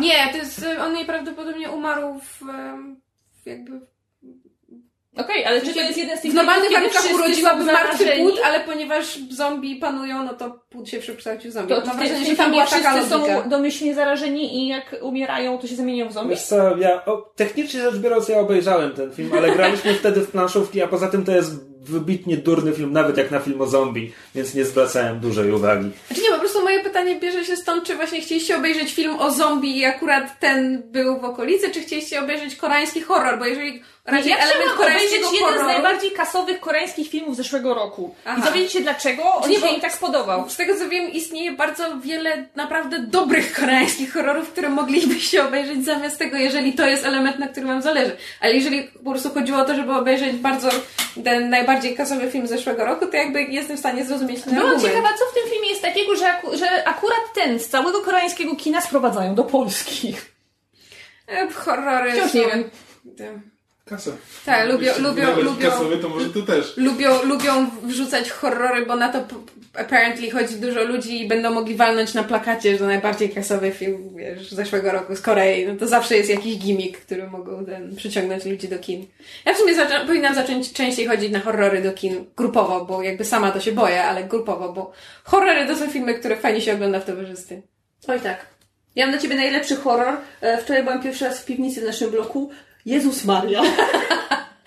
Ale to jest horror in real life, to mnie to nie interesuje. Boże, trauma. Strasznie. Ja sobie sam potrafię zrobić największy horror, bo ostatnio z, z, zrobiłem bardzo głupią rzecz. Bo, e, kładąc się do łóżka, mysz już spała, było ciemno i ja tylko widziałem za, za roletą jakby kontury świata. E, Kontury świata. Tak, po prostu cała tam osiedla i tam jakieś, jakieś światła w tle i po prostu widziałem takie kontury domów i tak dalej. I nagle zacząłem się, tuż przed położeniem spać, zacząłem się zastanawiać, uci, że teraz, jakby to był film, to powinienem zobaczyć coś przechodzącego przez to. Co by było takie najstraszniejsze, co by mogło w tym momencie przejść przez to okno. I zacząłem się nad tym zastanawiać tuż przed tym, jak sobie położyłem spać. I to był bardzo duży błąd. Duch lasu. Czekaj, co najstraszniejszego wymyśliłeś? Cztery było to, że coś wymyśliłem, tylko na zasadzie, że może będzie by wielki pająk tam przeszedł, albo po prostu czyjaś twarz nagle e, na, w, te, w tych konturach w rolecie się odbijająca. Najstraszniejsze, co można zobaczyć za oknem, to twarz innego człowieka. Jeżeli mieszkasz na 13 piętrze i nie masz balkonu. Nie, Tak. Po prostu spadające nagle ciało w tym. E, to jeszcze tak nawiązując ym, na, na sam koniec może do ym, przerostu formy nad treścią i mroku i, i w ogóle to może w dwóch słowach Przerost powiemy. mroku nad treścią. Przyrost. Tada, tytuł odcinka! Tak. To szk- Szkoda, że, szkoda, że przy Batmanie i Supermanie tego nie. To, ponieważ obie czytałyśmy pierwszy e, zbiorczy album em, komiksu Monstres. Tak. Tak. Wydany przez Image. Jest to e, komiks Sany Takedy. I Marjorie Liu, auto, autorki między innymi serii Young Adult Legend oraz komiksu... To jest ta Marjorie Yu? Wydaje mi Tak. się, że To tak. jest tak. ta? Ona, ona też podpisuje się jako Margaret Liu czasami. Właśnie. I ona też pi- pisała X23. I serię X23 dla Marvela i nie tylko. Parę innych rzeczy napisała dla Marvela, ale X23 było zdecydowanie najlepsze. I przy niej chyba zresztą też pracowała z ta, E, taką... przy jednej historii albo Mhm. dwóch. To w każdym razie tak, one w Marvelu już nawiązały kiedyś współpracę. Tak. I teraz obie panie stworzyły oryginalną historię, oryginalny świat, oryginalną fabułę, która dzieje się W fantastycznym świecie, w którym żyją różne rasy istot. Mamy ludzi i mamy potwory, czy tam półchimery, jakieś tam istoty pół, półpotworzaste, które wyglądają jak ludzie, ale nie są ludźmi tak W naprawdę. schematycznym uproszczeniu e, świat Miyazakiego z filmu Ghibli typu B. Ta, znaczy tak, ja czytając ten komiks miałam w głowie tylko i wyłącznie um, Księżniczka Mononoke. Księżniczkę Mononoke, tak, bo tam nawet są duchy lasu i to w dokładnie tym samym stylu. Nie, że mi to przeszkadza, ale skojarzenia są tak silne i jakby historia tej bohaterki, która wsyba, wiesz, skrywa w sobie potwora, biorąc pod uwagę jak wygląda historia bohatera, Ashitaki. tak, aż i takiego, wiesz, w Princess Mononoke, gdzie on jest przeklęty. Ja po prostu czytam ten komiks i widzę Princess Mononoke i jest takie okej, fajnie i jakby Znaczy, jeżeli mamy powiedzieć jeszcze cokolwiek o fabule, to główną bohaterką jest właśnie dziewczyna, która należy do tej rasy pół ludzi, pół bogów, Magicznych istot. czegoś, tak. Ym, I ona specjalnie daje się złapać do zamku, w którym e, zakon, do, do, daje się złapać zakonowi czarownic slash inkwizycji.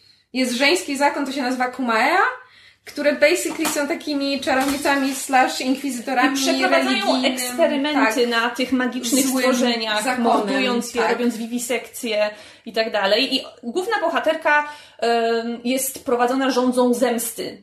Z początku nie wiemy na kim ani za, Za co. co. Później to dopiero zaczyna się odrobinkę klarować. A mówię odrobinkę, ponieważ fabuła tego komiksu jest bardzo niejasna i właściwie yy, Tak, znaczy jak na sześć pierwszych numerów, które album zbiera, to ja skończyłam czytać ten album, znaczy jakby zachwycona warstwą wizualną, a z drugiej strony tak trochę na zasadzie, no okej, ale ja nadal nie rozumiem, co tu się dzieje i, i, i jaką ja konkretnie historię mam śledzić, bo jakby dialogi są, dialogi są dość porwane, ponieważ dotyczą jest tam, jest tam, ten świat jest dość, mam wrażenie, skomplikowany Tak. i zawiły i nie jest dostatecznie jasno pokazane, jakie są jaki jest układ polityczny, jakie są relacje między innymi ugrupowaniami, gdzie To nasza znaczy- bohaterka się w to wpasowuje, jak jej przeszłość, która potem jakby, bo zaczyna się od tego, że ona chce się mścić na kimś za coś, nie wiemy do końca co, a potem się ten wątek rozwija jakby w, jest związany z jej przeszłością, jej przeszłość jest związana jakoś z, z mitologią tego świata, z tymi właśnie bóstwami Ponieważ ona przechowuje w swoim ciele potwora, który się uaktywnia Tak, na ale jakiś czas. nie wiadomo, czy to jest potwór, czy to jest Bóg, czy to jest coś pomiędzy. I jakby to wszystko jest bardzo skomplikowane, nie do końca jasno wyjaśnione, bo tam są też jakby... I narracja jej- skacze, bo mamy tą główną, główną historię bohaterki, a jednocześnie czasami przenosimy się na, do jakiejś innej krainy, w którym na przykład ta siostra przełożona tego zakonu idzie gdzieś tam rozmawiać z jakąś królową lisicą i, i kim są ci ludzie, nie ludzie. To jest, to, jest, dosyć skomplikowane. Autorki próbują nam to przybliżyć, dodając pomiędzy każdym zeszytem taką jednoplanszową e, infografikę, na której, na, której, na której profesor Kot z kilkoma ogonami swoim małym e, kocim uczniom tłumaczy historię tego świata. Teach me, sensei! Co wciąż niewiele wnosi i tak naprawdę trzeba sobie, sobie dużo dopowiadać, e, żeby e, tak naprawdę czerpać frajdę z tego komiksu. Wizualnie on jest piękny. To jest, on jest tak, on jest po prostu wizualnie jest zachwycający. Gdybyście wzięli jakąkolwiek mangę do rąk, czarno-białą, i to jest ten moment, kiedy myśleliście, Jezu, chciałbym, żeby ta manga była kolorowa. To I żeby, I żeby to. wyglądała jak Princess Mononoke. To to jest to. To to jest Tylko dodać jeszcze to. tam trochę elementów steampunku. Ja też mam bardzo silne skojarzenia Bo, z bo Witch z jakiegoś Mononoke powodu. ich nie było. Nie, ale w sensie Dlaczego jakby... Witch? Z tym komiksem? Tak. Wiesz Co co? się stało z tym komiksem? O, on istniał przez wiele Ale lat. oni już chyba, chyba go nie wydają, nie? Chyba nie, bo to robili Włosi w ogóle, z Tak. tego co wiem. Disney. Ja, tak, tylko ja, ja wiesz, ja Witch czytałam przez jakiś czas i potem jakby zszedł mi z radaru, a, a po latach się dowiedziałam, że on jeszcze przez wiele lat był wydawany, tylko po prostu chyba nie u nas albo jakoś, no w każdym razie em, jakoś nie wiem, klimat mi się kojarzy z Witch i właśnie z Mango i z, i z Princess Mononoke i rzeczywiście wizualnie jest zachwycający, to znaczy jakby em, design samego świata to tam nie, nie, nie do końca, ale na przykład em, jakby e, architektura, Tak. kostiumy świetnie i, to wygląda. i, i world building pod względem istot właśnie tego, jak, jakie są różne krzyżówki tych, tych, em, tych hybryd, czy, czy tych bogów, jak są sceny w jakichś świątyniach związane właśnie z mitologią albo z religią tego świata, to są tak pięknie, tak szczegółowo nam, namalowane, że po prostu można by dowolną, dowolną po prostu szpaltę, wiesz, walnąć na, na rozmiar, nie wiem, A0 i po prostu walnąć gdzieś sobie na ścianie, bo, bo są cudowne. Sa, sama Takeda rysuje ślicznych ludzi. Nie. Znaczy tak i nie, dlatego że rysuje też absolutnie obrzydliwych ludzi. No, jeśli scenariusz tego wymaga. Natomiast w X24 rysowała historię, gdzie e, X23 jest z Gambitem w Paryżu i przyjeżdżają do nich Wolverine i Jubilee. I to jest, y, nie wiem, dwuzeszytowa historyjka, strasznie sympatyczna. E, Jest tam taka piękna scena, gdzie Gambit czyta jej małego księcia i nieważne. Bardzo ładne. Natomiast, e, więc tak, ja wiem, że Sana Takeda bardzo ładnie rysuje, ale ja za. Zacząłem czytać Monstres, próbowałem zacząć czytać Monstres i kompletnie mnie to nie chwyciło. Jakby fabularnie mm, nic tam dla siebie nie znalazłem. Właśnie- Odpadłem chyba w połowie pierwszego zeszytu. Właśnie fabularnie po pierwszym albumie tak trochę nie, znaczy bardzo chętnie sięgnę po następne, bo jakby chciałabym zobaczyć, czy, czy to się dalej wyjaśnia, jak y, i, i też wizualnie jakby to jest, ładnie się na to patrzy. Natomiast biorąc pod uwagę, jak to było strasznie chwalone w, w, w różnych kręgach, gdzie tam, gdzie tam co, coś, mi, coś mi wpadło w oczy, jak, jak bardzo Monsters było chwalone, jak tym się ludzie zachwycali, to tak trochę musiałabym się przyjrzeć tym recenzjom i się bardziej w nie wczytać, bo nie bardzo rozumiem czym. Znaczy, owszem, to jest jakby, mamy kobiecą bohaterkę, która jest bardzo niejednoznaczna. Kobiecą bohaterkę. Tam są same kobiece bohaterki właściwie. Mężczyzn tam prawdzi- pra, praktycznie nie ma. Pojawia się chyba jeden taki y, bardziej główny bohater męski. Tam już w dalszej części historii ten taki y, strażnik, którzy, który mają ochraniać i jest, odprowadzić. jest, jest paru, znaczy odgrywają oni mniejsze ale role, kobiety, ale grają, ko- kobiety są wysunięte pierwsze, na pierwsze skrzypce, tak, jak najbardziej. Natomiast i, i rzeczywiście... Kobiety są wysunięte na pierwsze skrzypce. Tak. Dokładnie wiem, co powiedziałam. E, jakby jest ta historia bohaterki, która, prawda, odkrywa siebie, nosi w sobie jakiś mroczny sekret i, i jak to wpływa na resztę świata i, i, i z jednej strony to jest fajne, że to jest właśnie, mamy dużo, dużo kobiet, które jakby autorki nie boją się pokazać jako, nie wiem, okrutne, złe, maltretujące innych, nie boją się pokazać krwi, flaków, brzydoty, dlatego że to, co mi się bardzo podoba jest to, to, że jakby są, że Takeda maluje bardzo piękne bohaterki, które w dwa kadry jest w stanie tak strasznie zbrzydzić, jakby ze względu na grymas, albo na to, że się na przykład nagle starzeją, albo coś im się, coś im się dzieje. A to jest bardzo mangowe to, co ona robi. Z tak, jak najbardziej, ale jakby dla, na mnie to działa wizualnie. E, I, I mimo tego wszystkiego, co jest jakby nie bez wartości, spodziewałam się więcej. I, Chciałabym, żeby historia była lepsza. Tak. Może coś się wyjaśni w następnych Be, będziemy, będziemy w każdym razie polować na kolejne, kolejne albumy, żeby się zapoznać, myślę. I damy Za znać, udostępnienie egzemplarza do recenzji dziękujemy. Nibi. Nibi. Nibi nam pożyczyła swój album Monstres. Nie bój się, Nibi, ten, y, dbamy o niego, czeka na ciebie. No. E, I to chyba wszystko na ten tydzień. Sherlock? O, oh, fuck! Się wytnie. Nie, to wszystko jest na ten tydzień. Who cares? Does anybody care? Nie no, o Sherlocku trzeba powiedzieć. E, znaczy, ja czuję taki wewnętrzny imperatyw moralny, by powiedzieć o Sherlocku w tym tygodniu, biorąc pod uwagę, jak bardzo skrytykowaliśmy pierwszy odcinek w zeszłym tygodniu. No tak.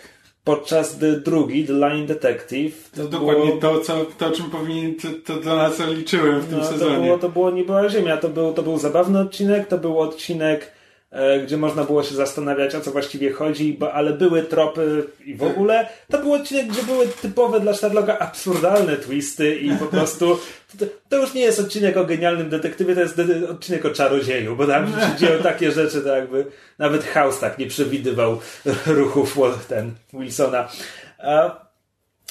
Ale przy tym wszystkim to mi się bardzo dobrze oglądało.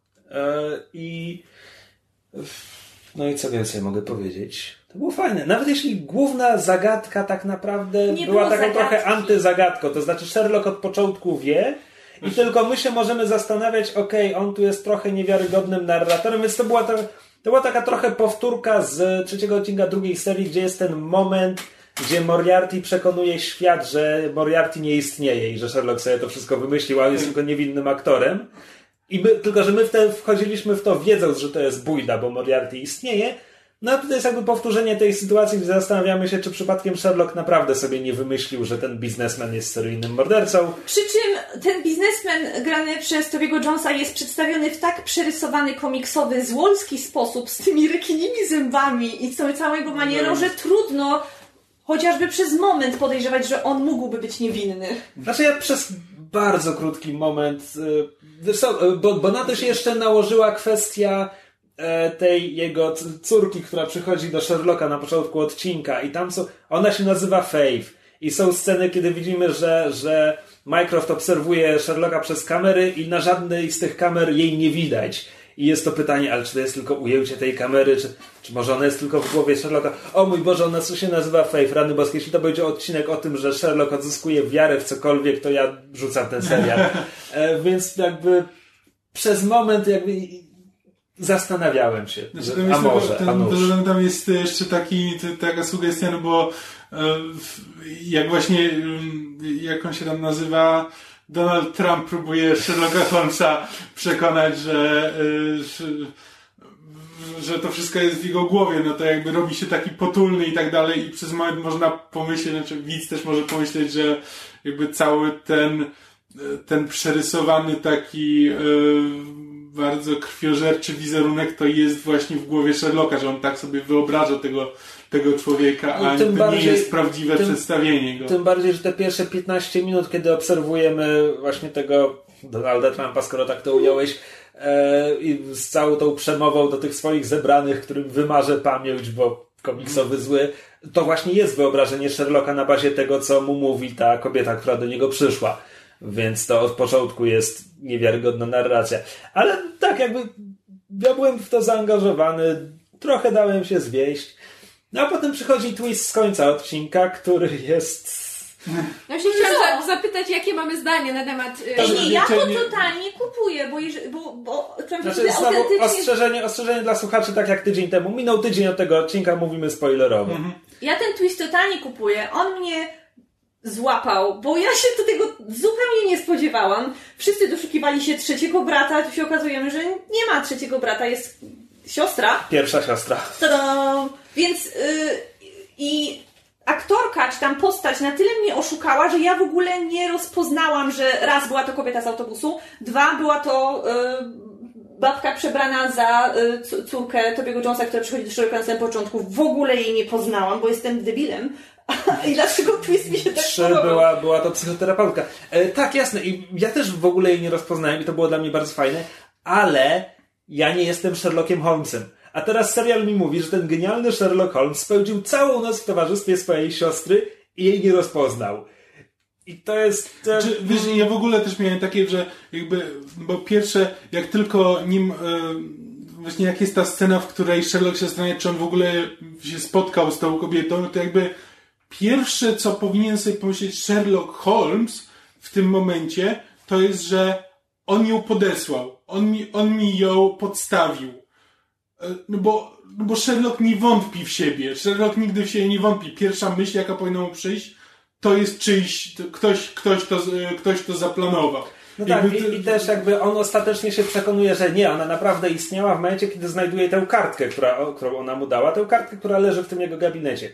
Tym jego gabinecie, który genialniejszy od niego Mycroft przeszukał 20 minut wcześniej i nie zauważył. No, Zwłaszcza, że ta kartka leżała na widoku, bo my jako widz mogliśmy ją zobaczyć, żebyśmy się sami upewnili, że ta dziewczyna jednak naprawdę istniała. tak, więc jak, o ile ten odcinek bardzo mi się podobał, to jednak już wchodzimy na ten poziom, gdzie ktoś jest genialny tylko kiedy scenariusz akurat od niego w tym momencie wymaga, żeby był genialny, a kiedy już jest genialny, to przewiduje posunięcia człowieka na 15 tygodni do przodu i w ogóle Tak, i magia. narkotyki w ogóle mu nie stępiają tego geniuszu. E, oczywiście w następnym odcinku możemy się dowiedzieć, że Sherlock cały czas wiedział, że ma przed sobą Juros i tylko grał dla niej, tak jak grał dla widzów. No może tak być. Natomiast jeśli ten odcinek będzie równie fajny co ten, to będę mimo wszystko zadowolony. Natomiast to w żaden sposób mi nie, nie wybacza grzechów pierwszego odcinka. No. Znaczy, w zasadzie ja nic, więcej nie mam. Znaczy ja tylko chciałem, bo nie zdążyłem tego powiedzieć, ale jakby cała ta konstrukcja na zasadzie, że my wiemy, kto to, e, co, coś jest, e, znaczy my wiemy, że tamten jest winny, tylko się zastanawiamy, jak Sherlock Holmes do niego dojdzie.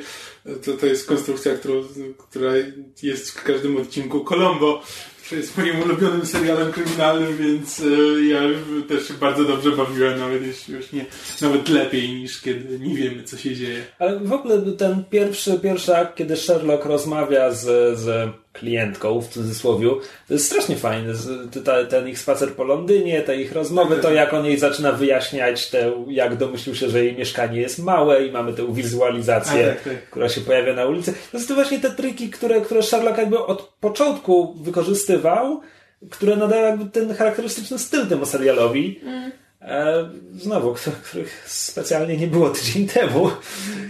No nieważne, tydzień temu obejrzeliśmy coś dziwnego. Aczkolwiek ponoć był to genialny odcinek, gdyż nie jest to tylko serial do oglądania. Przepraszam, przepraszam. Ja, ja nie chcę być złośliwy. Czy to jest Nie coś związane z wypowiedzią Gatisa, czy Nie, czy... nie. Znaczy, znaczy tak, to był cytat z wypowiedzi. Nieważne. Nie wiem. Znaczy ja, ja zapraszam słuchaczkę, żeby ten, wróciła do tego komentarza, bo mnie interesowała ta dyskusja, ale nieważne.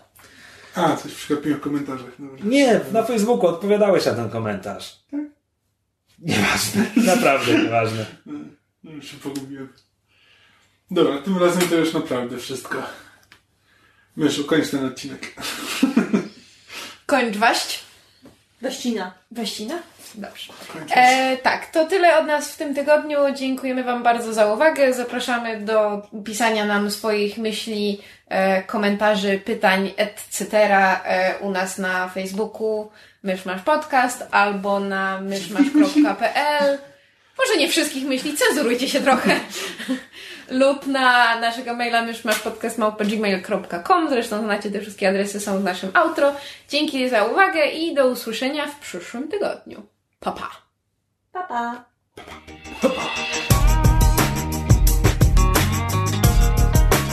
Słuchaliście podcastu Myszmasz. Możecie nas znaleźć na myszmasz.pl, lub polubić nasz fanpage na Facebooku.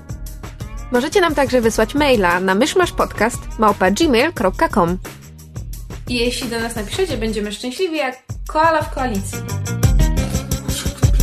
Po pozycji. I don't know. Opoz- koala w koalicji i opos w opozycji. Zjebałam!